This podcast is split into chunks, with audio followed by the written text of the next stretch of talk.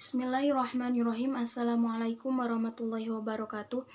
Alhamdulillahirabbil alamin wa bihi nasta'inu ala umuri dunya waddin wassalatu wassalamu ala sayyidina Muhammadin mursalin wa ala alihi wa sahbihi ajmain amma ba'du.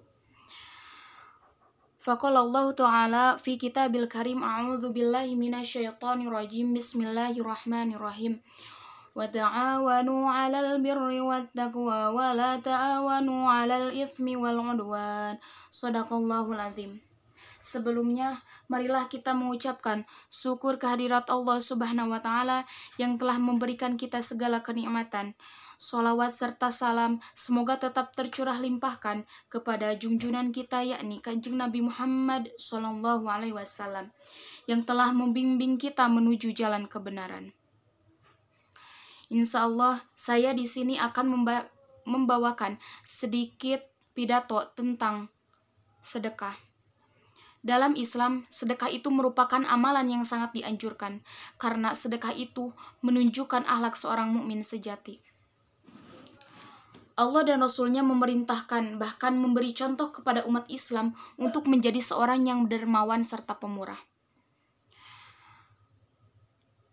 Allah Subhanahu wa taala berfirman dalam hadis, sesungguhnya Allah taala itu Maha memberi, Ia mencintai kedermawanan serta akhlak yang mulia. Ia membenci akhlak yang buruk. Hadis riwayat Al-Baihaqi.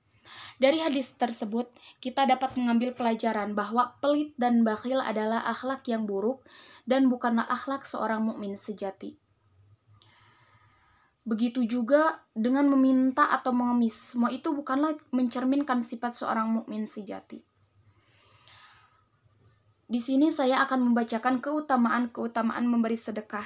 Yang pertama, sedekah dapat menghapus dosa.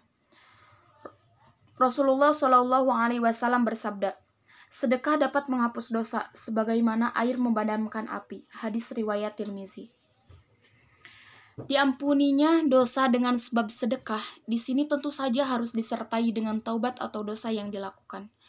Tidak sebagian mana yang dilakukan sebagian orang yang sengaja bermaksiat, seperti korupsi, memakan riba, mencuri, berbuat curang, mengambil harta anak yatim, dan sebelumnya melakukan hal-hal ini sudah merencanakan untuk bersedekah setelahnya agar impas atau agar impas tidak ada dosa. Yang demikian ini tidak dibenarkan karena termasuk dalam merasa aman dari makar Allah yang merupakan dosa besar.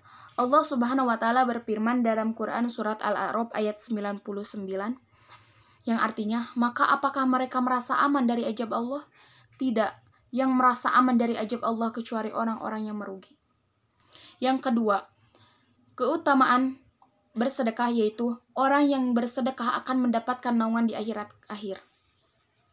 Rasulullah Shallallahu Alaihi Wasallam menceritakan tentang tujuh jenis manusia yang mendapat naungan di suatu hari yang ketika itu tidak ada naungan lain selain dari Allah Subhanahu Wa Taala, yaitu hari akhir.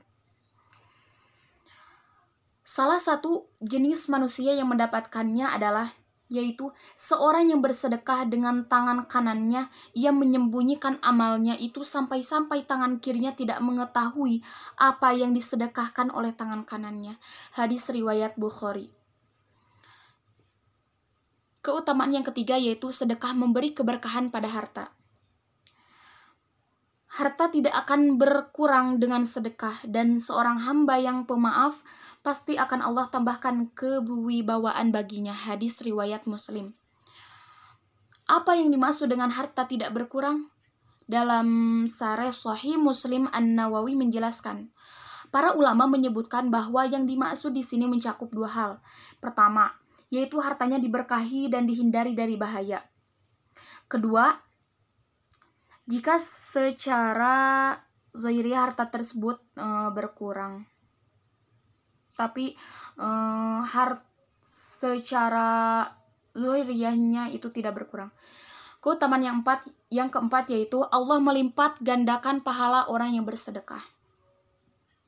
Allah Subhanahu wa taala berfirman, sesungguhnya orang-orang yang bersedekah baik laki-laki maupun perempuan dan meminjamkan kepada Allah pinjaman yang baik, niscaya Allah akan dilipat gandakan ganjarannya kepada mereka dan bagi mereka pahala yang banyak. Quran Surat Al-Hadid ayat 18. Yang kelima, yaitu terdapat pintu surga yang hanya dapat dimasuki oleh orang-orang yang bersedekah. Dalam hadis, Allah memberikan menyumbangkan dua harta di jalan Allah, maka ia akan dipanggil oleh salah satu dari pintu surga. Wahai hamba Allah, kemarilah untuk menuju kenikmatan. Jika ia berasal dari golongan orang-orang yang suka mendirikan sholat, ia akan dipanggil dari pintu sholat. Yang berasal dari kalangan mujahid, maka akan dipanggil dari pintu jihad. Jika ia berasal dari golongan yang gemar bersedekah, akan dipanggil dari pintu bersedekah. Keutamaan yang keenam yaitu sedekah akan menjadi bukti keimanan seseorang. Rasulullah Shallallahu Alaihi Wasallam bersabda, sedekah adalah bukti. Hadis riwayat Muslim. Yang ketujuh yaitu sedekah dapat membebaskan dari siksa kubur. Dalam hadis, sedekah akan memadamkan api siksaan di dalam kubur. Yang kedelapan, sedekah dapat mencegah pedagang melakukan maksiat dalam jual beli.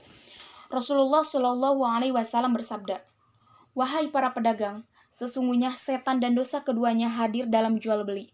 Maka hiasilah jual beli kalian dengan bersedekah." Yang kesembilan yaitu orang yang bersedekah merasakan dada yang lapang dan hati yang bahagia. Rasulullah Shallallahu Alaihi Wasallam bersabda, yang artinya perumpamaan orang yang pelit dengan orang yang bersedekah seperti dua orang yang memiliki baju besi yang bila dipakai menutupi dada hingga se hingga selangkangnya. Yang kepuluh, yang ke sepuluh yaitu pahala sedekah terus berkembang. Dan yang ke sebelas, sedekah menjauhkan diri dari api neraka.